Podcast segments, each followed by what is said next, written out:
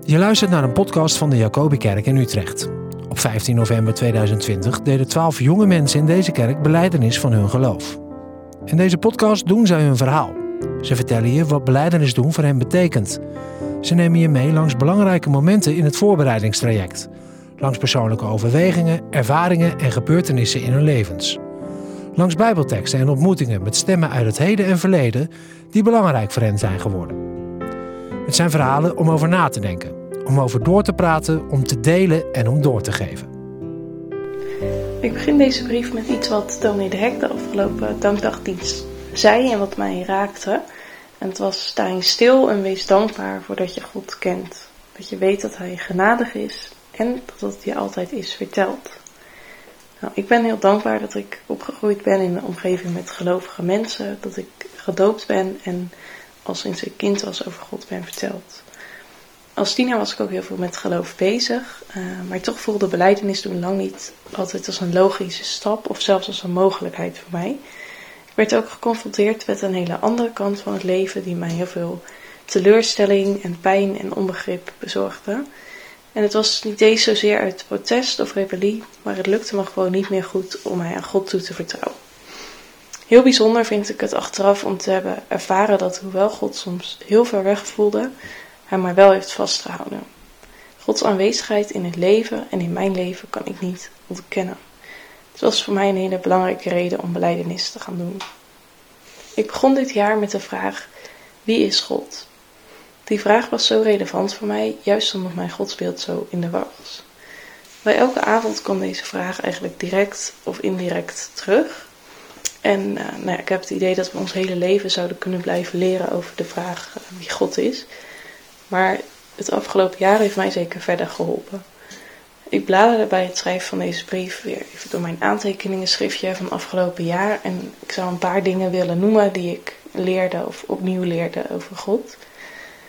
Bij de avond over leven met God hadden we het over dat uh, Jezus onze redder is en daarom van ons vraagt om heilig te leven.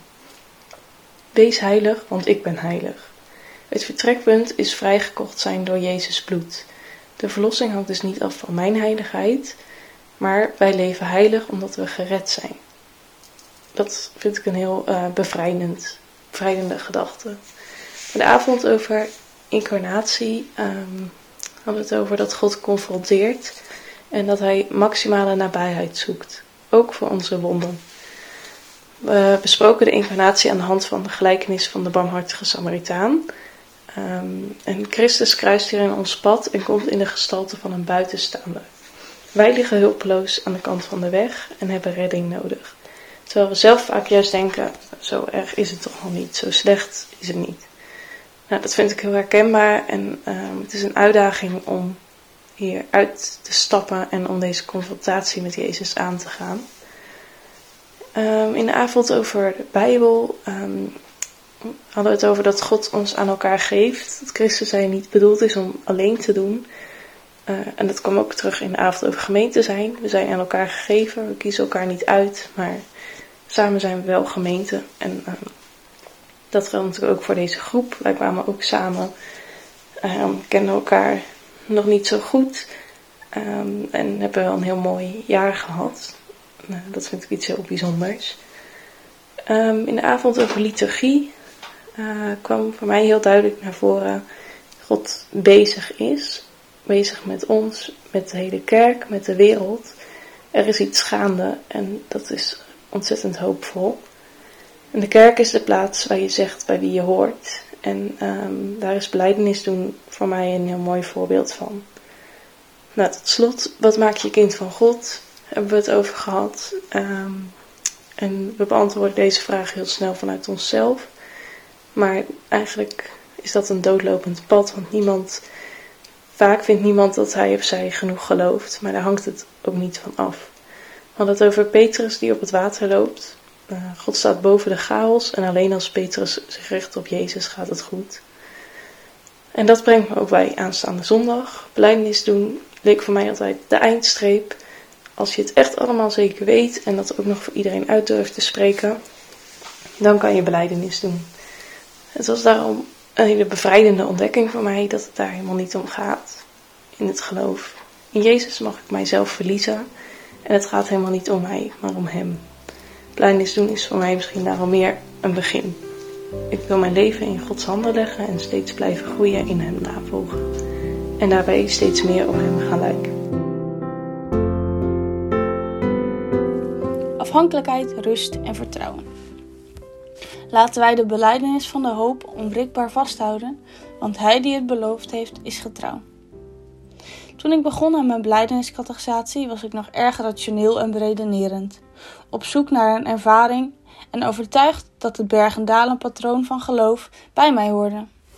Het toe-eigenen van Jezus' dood en opstanding was een groot vraagteken en de rol van Jezus in mijn leven was, als ik die al toe wilde laten, enkel die van rolmodel.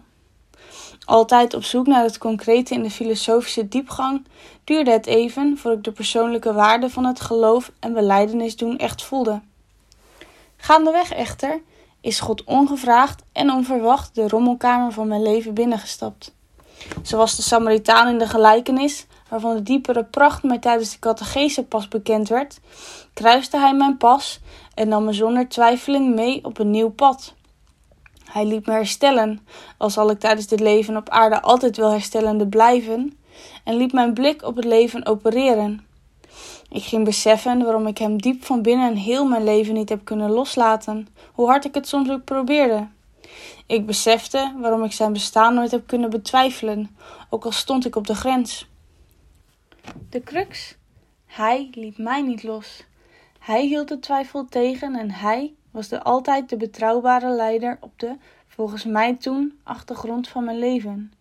Nu blijkt hij de basis, de rots te zijn. In het afgelopen jaar catechese, mijn bestuur, werk en dagelijks leven zijn mijn ogen opengegaan voor mijn afhankelijkheid van hem. Wanneer ik stress, iets fout loopt of ik dierbaren mis, dan kan, nee moet ik, op welke manier dan ook, bij hem terecht. Hij heeft er altijd voor mij gezorgd, mij mensen gegeven die mij bijstonden als het lastig was, en me elke keer weer op mijn voeten neergezet wanneer ik was gevallen. God heeft mij ook gebracht bij de Jacobikerk, heeft mijn ogen geopend voor de waarde van deze gemeente en mijn rol als gemeentelid. Vanuit die waarde wil ik mij graag aan de Jacobi verbinden, als lid met deze beleidenis als blijvende herinnering van die verbinding met God. Ik wil me inzetten voor het opbouwen van Gods wereld en ook anderen van die rust vertellen. Een uitspraak van een van de avonden heeft mij geraakt en past hier goed bij. Deze uitspraak gaf mij rust in het omgaan met mijn verhouding tot God en Jezus en de betekenis van Jezus' opstanding. De tekst gaat: Je leeft heilig omdat je gered bent, niet om gered te worden. Ik ben God oneindig dankbaar dat Hij voor al deze zaken mijn ogen heeft geopend. Ook deze beleideniscategese heeft daar in zijn naam aan bijgedragen. De perspectieven en gesprekken hebben mij nieuwe inkijkjes geleerd. Ze hebben teksten, beelden en uitleggingen in mijn hoofd geplant die God in mijn hart heeft gegrond. En hij heeft me doen beseffen dat ook ik volledig kan vertrouwen op zijn hand in mijn leven. In zijn leven voor mijn leven en zijn genade voor mijn eeuwigheid. Ik kan door hem in rust en afhankelijkheid zeggen: Jezus leeft en ik met hem. Jezus leeft en zijn stem roept ook ons eens weer tot leven. Toen ik voor het schrijven van deze brief nog eens terugkeek naar mijn aantekeningen van onze categorisatieavonden, kwam ik als vanzelf als eerste bij onze brainstormavond, waar we onze vragen hadden verzameld. De belangrijkste drie vragen die ik had opgeschreven waren 1. Wie is God? 2. Wat is geloven? En 3. Wil ik beleidenis doen? Nummer 3 kan ik nu in ieder geval afstrepen als beantwoord. En van de eerste twee zou ik zeggen dat het afgelopen seizoen me zeker de start van antwoorden gegeven heeft. Maar voordat ik daarop kom, iets meer over mijn achtergrond. Omdat ik die hierin altijd meeneem en het toch ook een aanloop is geweest naar het nu en naar het doen van beleidenis. Zeven jaar geleden kwam ik als semi-gergenmeisje naar Utrecht. Ondanks de kerkelijkheid was ik niet erg veel met geloof bezig. Ik ging al jaren elke zondag naar een kerk waar ik me totaal niet in voelde passen, associeerde de zondag vooral met verplichtingen en de kerk nog het meest met beklemming. Die ene tekst uit Openbaringen van was u maar koud of heet, maar u bent lauw, voelde altijd flink van toepassing. Op zich geloofde ik wel dat God bestond, maar dat was dan ook wel het maximale. Persoonlijk betekende het echt heel weinig. Ik hoopte heel erg iets van God te ervaren, maar dat gebeurde niet echt. Of achteraf gezien had ik hier misschien verkeerde verwachtingen over. En de vraag over of het wel voor mij zou zijn, speelde onder de oppervlakte ook lang een rol. Dat ik naar de kerk wilde blijven gaan, was me gek genoeg wel duidelijk. Wat dat betreft trok er altijd wel iets samen. Ik heb flink rondgekeken op kerkelijk gebied en voor zo'n slechte kiezer als ik waren er wel erg veel opties. Hoe dan ook, mede door praktische overwegingen kwam ik, ik denk zo'n 3,5 jaar geleden, uiteindelijk steeds vaker hier in de Jacobikerk. Ik ken daar al wat medestudenten, het was lekker dichtbij en het leek me ook een aardige middenweg te zijn. En nu schrijf ik deze brief, vooruitkijken naar onze beleidenisdienst en terugkijkend op een seizoen waarin we bij elkaar kwamen om onze vragen en eventuele antwoorden daarop te verkennen. Net noemde ik de drie vragen waarmee ik het seizoen inging. Wie is God? Wat is geloven? En wil ik beleidenis doen? Wie is God vind ik nog steeds een lastige vraag. God was voor mij lang iemand die heel ver weg was, onvoorspelbaar en misschien zelfs willekeurig. Ik leer nu om hem steeds meer te zien, juist als degene die maximale dichtbijheid zoekt. En ik geloof dat dat is wat hij wil. Ik besef me meer dat hij daarom zelfs mens is geworden, moest lijden en daar maar juist heel dichtbij komt. Bij Night of Light in de Domkerk trok ik ergens in het afgelopen jaar een kaartje uit de schaal met bemoedigende teksten. Er stond op: Bij de Heer is mijn leven veilig. Voor wie zou ik bang zijn? Uit Psalm 27. Het kaartje hangt naast mijn deur en herinnert me eraan dat God er is in mijn leven, dat Hij betrouwbaar is en dat ik op Hem mag vertrouwen. Iets over mijn tweede vraag: wat is geloven? Ondanks dat het er zo ongeveer elke zondag van mijn leven over ging, heb ik nooit zo goed begrepen wat geloven nu precies is. Wanneer geloof je? Is het nu juist makkelijk of moeilijk en hoe doe je dat, geloven? Alle antwoorden die anderen me hierop gaven hadden iets in zich van de volgende dingen. Geloof is het erop wagen. Je toevertrouwen aan iets wat je nog niet kent en door het te doen zal je het weten. Zoiets. Drie jaar geleden schreef ik ergens op: geloof ik eigenlijk wel iets?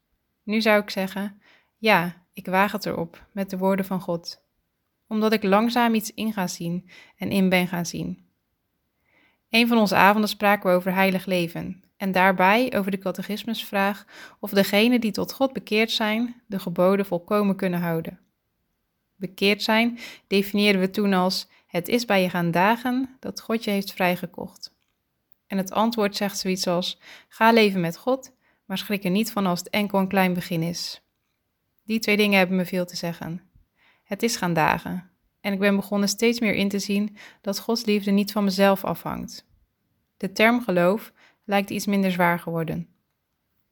Ik startte beleideniscategorisatie met het idee dat de kans niet zo groot was dat ik ook beleidenis zou doen aan het einde.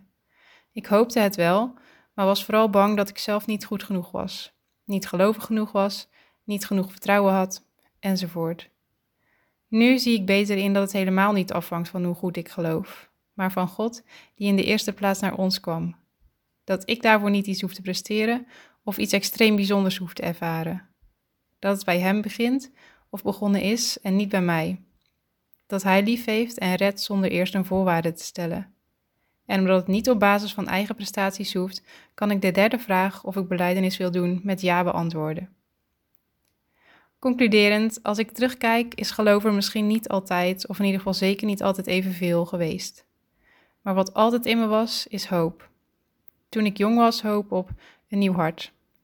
Later hoop op dat ik iets van God zou ervaren, hoop dat ik Hem zou vinden, meer van Hem zou begrijpen. Steeds meer is vertrouwen deze hoop gaan vergezellen. Daarom wil ik in vertrouwen beleidenis doen van geloof en hoop. Van geloof dat God er is, dat God niemand uitsluit en dat Hij mij kent. Van de hoop op dat ik steeds meer over Hem zal leren, dat Hij mij zijn weg zal wijzen en daarop meegaat. En van de hoop op het koninkrijk dat komt van God die trouw is.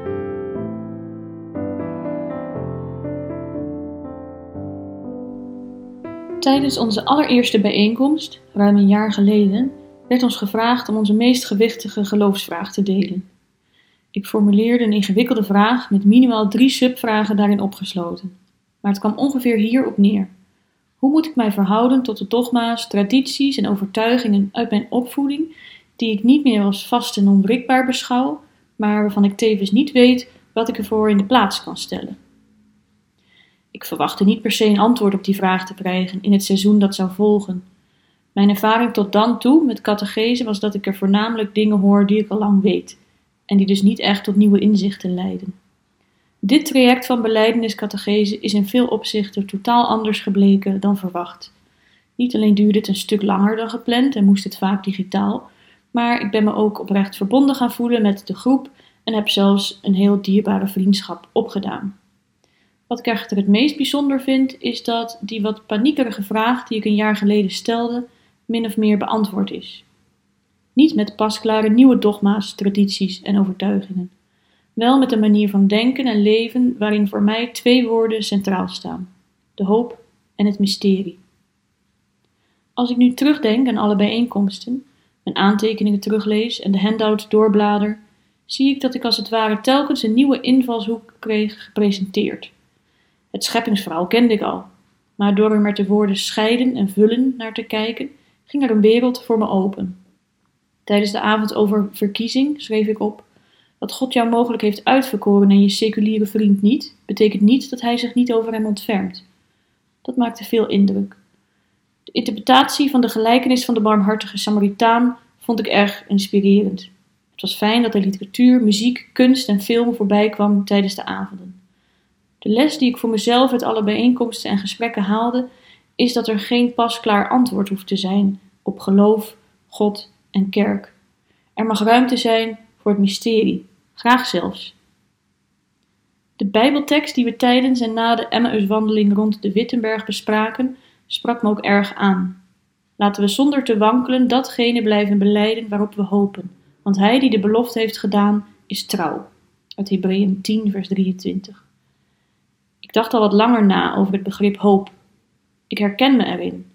De hoop is niet rigide en absoluut, maar het geeft een soort lichtheid en luchtigheid aan geloof. Zowel de hoop als het mysterie laten ruimte voor open plekken. En open plekken zorgen voor beweging, voor moed, vertrouwen, vrijheid, een gesprek, een grap, maar ook voor twijfel, voor ik weet het niet zeker. Over die twijfel zegt Thomas Halik het volgende. God heeft ruimte gelaten voor twijfel, zodat het geloof zijn waarde als vrije daad en als moedige stap naar het koninkrijk van het geheimenis niet verliest. In dat koninkrijk van geheimenis zie ik weer het mysterie terug waar ik het eerder over had. Verderop in hetzelfde boek, het heet Niet zonder hoop, zegt Halik het volgende over de hoop. De hoop is een godmenselijke werkelijkheid, een plaats van ontmoeting tussen God en mens een geschenk van God en een manifestatie van de menselijke openheid, van de menselijke vrijheid, van de moed om te vertrouwen. Die moed om te vertrouwen vind ik heel mooi onder woorden gebracht in het gedicht Palingcredo van Willem-Jan Otten. Palingcredo. Van waar hij uitkwam was geen terug. Dat was tenslotte wat te weten viel. Ieder volgend werk de kamer van een fuik gehangen in de stroming langs de dijk. Dit moest beseft, zo hij het hebben wilde over vrije wil. Of er een kamer volgt op waar hij is, wat dat betreft was hem geen zekerheid vergund. Hoeveel kamers moet je door voor je vermoeden gaat dat dit de vrijheid is waarin je staat? Er wordt per aal iets zeer onaals gevraagd. Stroomopwaarts zal hij gaan, gedreven door de palingdroom van zoeken naar de laatste ring. Geen millimeter wijder zal die zijn dan om de draad het oog, en die dan door, spekglad van angst. Waar haalt hij ooit de moed vandaan om door de nauwste ring te gaan, als er geen slotsom was die hij al kende, maar zolang hij ademde niet trekken kon? De laatste kamer zal de wijdste zijn, wijder dan het hele meer waarin hij hangt. Aanstaande zondag zeg ik geen ja omdat ik alles zeker weet. Ik zeg ja omdat ik hoop, omdat ik vertrouw dat de laatste kamer de wijdste zal zijn.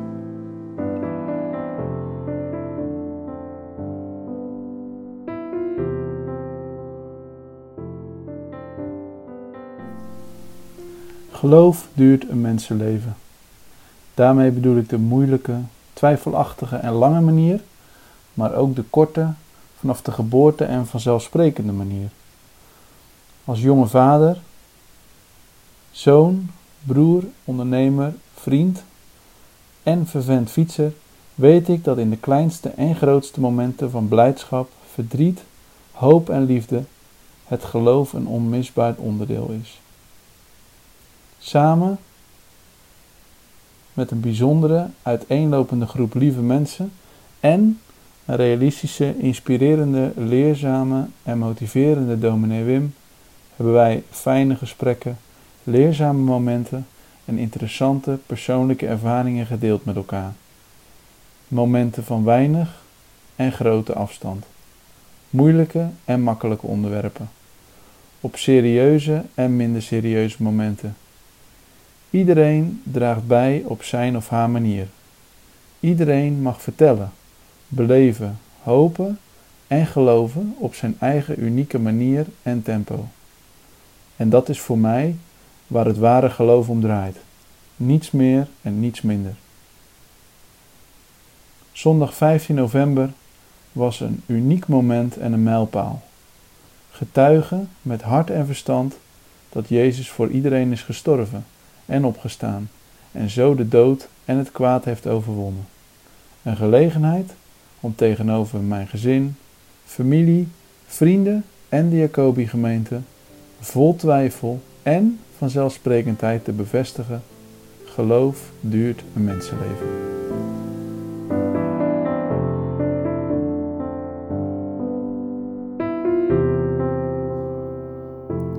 Mijn beleidenisstatement. Waar is mijn reis begonnen? Welke mijlpalen hebben mijn geloofsleven gedefinieerd? Wat zijn mijn verwachtingen? En wat is mijn hoop voor de reis die nog voor me ligt? Stuk voor stuk vragen die mij de afgelopen tijd hebben bezighouden ter voorbereiding op de beleidenisdienst. Ontzettend dankbaar ben ik voor de rol die mijn ouders in mijn geloof gespeeld hebben. Van jongs af aan hebben ze mij laten zien en ervaren hoe goed het is om op de Heer te bouwen. Wat een genade is het dat ik hiermee ben grootgebracht. Hoe had mijn pad eruit gezien als dit niet het geval was geweest? Als kind acht je het veelal als vanzelfsprekend, maar later pas besef je hoe waardevol dit is geweest. Het fundament van je geloof wordt gelegd, de basis waarop je iedere keer weer kan en mag terugvallen. In mijn jeugd vond ik het namelijk niet altijd even makkelijk om te geloven en te blijven geloven. Zoveel kennis, informatie, krachten en machten die in die tijd op je afkomen. Maar toch, het fundament was gelegd, waardoor ik godzijdank het geloof nooit heb kunnen loslaten en God mij ook niet. Een ander moment dat mijn geloofsleven gedefinieerd heeft, is het ziekteproces van mijn moeder. Toen de diagnose werd gesteld en duidelijk was dat mijn moeder niet meer beter zou worden, heb ik ook een enorme worsteling ervaren. Waarom moet dit nu mijn moeder overkomen? God, u bent zo groot, u kan haar weer beter maken. Maar waarom gebeurt dat dan niet? Maar Gods wegen zijn ondergrondelijk. Het rotsvaste geloof van mijn moeder in deze tijd vol zorgen heeft mij doen verwonderen. Het maakte mij misschien zelfs wel een beetje jaloers. Wat een overgave, een vertrouwen. Mijn moeder verwachtte alles van haar hemelse vader. Niet mijn wil, maar uw wil geschieden. Hoe groot is het dat je met al je pijn, zorgen en angst weet en ervaart dat je altijd bij Hem terecht kan? De hand van God die ik hierin heb gezien om met mijn moeder mee te gaan op haar weg. Alleen op eigen krachten had zij dit niet aangekund. Maar dat hoefde ook niet, want God is al die tijd bij haar geweest. De rust die zij toen heeft mogen ontvangen is enkel genade geweest van God. Maar ook de kracht die ik en mijn familie mocht ervaren in deze moeilijke tijd heeft mij doen verwonderen. Toen ik vol zorgen zat en het ook allemaal niet meer wist, heb ik zijn sterke hand gezien en die uiteindelijk ook stevig vastgepakt. Dankbaar kijk ik ook terug op de momenten vol geloofsovertuiging die we met elkaar mochten ervaren op het sterfbed van mijn moeder. Terugkijkend is dat ook het moment geweest dat mijn geloof van mijn hoofd ook echt vol doorstroomde naar mijn hart. Ondanks al het verdriet heb ik toen ook de hoop gezien en hoop gekregen in de periode. Ik bouw op u, mijn schild en mijn verlosser. Eind vorig jaar heb ik de stap gezet om deel te nemen aan beleideniscategorisatie. Ondanks dat ik later ben aangesloten, voelde ik mij gelijk onderdeel van de groep. Dankbaar ben ik voor alle mooie avonden die we met elkaar beleefd hebben. Fijn om ons te kunnen verdiepen in de woorden van God en stil te staan bij wat God ons te vertellen heeft. Hoe wonderlijk vond ik het ook om iedere keer weer opnieuw de verschillende lagen in de Bijbelteksten te ontdekken. Niets is wat het lijkt op het eerste oog. Stilstaan en stil worden voor God. Dat mochten we ervaren tijdens ons weekend in de Witteberg. De stiltemomenten hebben indruk op mij gemaakt. Stil zijn voor God. Stil zijn voor wat Hij ons te vertellen heeft. Niet wij aan het woord, maar Hem aan het woord laten. Hoe eenvoudig klinkt het, maar hoe moeilijk blijkt het in de praktijk? Een hele bijzondere belevenis om zo intensief met elkaar op te trekken, elkaar beter te mogen leren kennen en stil te staan bij al onze uiteenlopende geloofsvragen. 15 november. Dan wordt de paal geslagen waaraan ik me altijd kan vasthouden, mijn hele leven lang. Juist ook op die moeilijke tijden vol zorgen en pijn. In het labyrint van mijn leven mag ik weten dat Hij erbij is en met mij meegaat. Hierbij weet ik dat ik het gelukkig niet van mijzelf hoef te verwachten.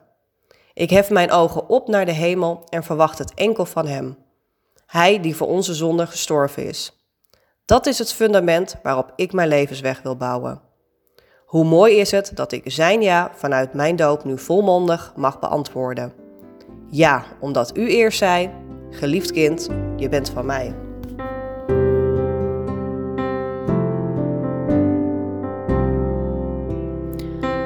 God voelt als een rode draad door mijn leven. Of anders gezegd, als een grondtoon onder alles. Hij maakt dat de rest klinkt. Hij bepaalt waar ik ben. En soms raak ik wat verder verwijderd. Zoek ik al zingend, zing ik al zoekend. Maar God gaat nooit weg. Major Boshart zei: God dienen is mensen dienen en mensen dienen is God dienen. Zo wil ik leven. Ik wil mensen dienen, maar niet zonder God. Ik wil God dienen, maar niet zonder mensen.